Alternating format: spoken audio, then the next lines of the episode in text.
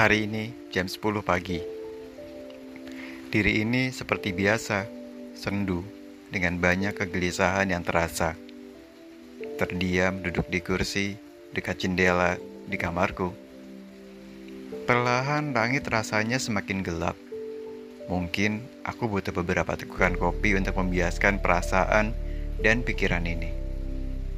Ya, rintik hujan pun mulai menampakkan dirinya Suaranya semakin bawaku dalam kesendirian. Hanya terdiam menatap ponselku dengan sinyal data yang juga ikut melemah. Seolah menambah rasa di pagi ini. Ku coba meneguk sedikit kopi yang masih panas secara perlahan. Airnya masih mengeluarkan asap.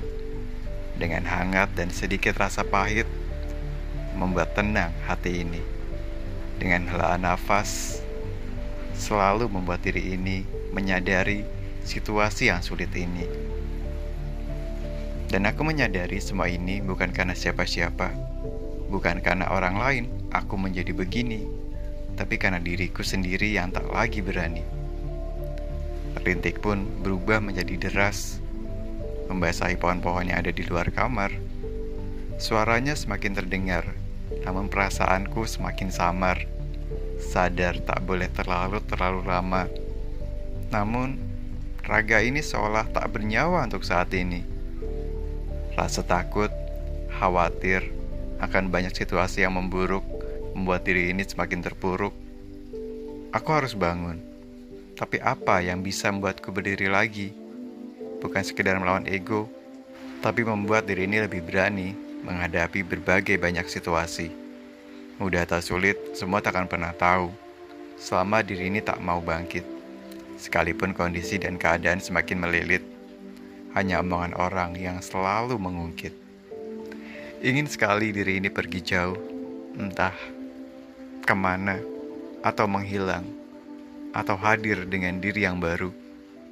Entah nanti orang berkata apa, entah menghindar atau terdengar jahat karena melupakan dan meninggalkan tanpa pesan.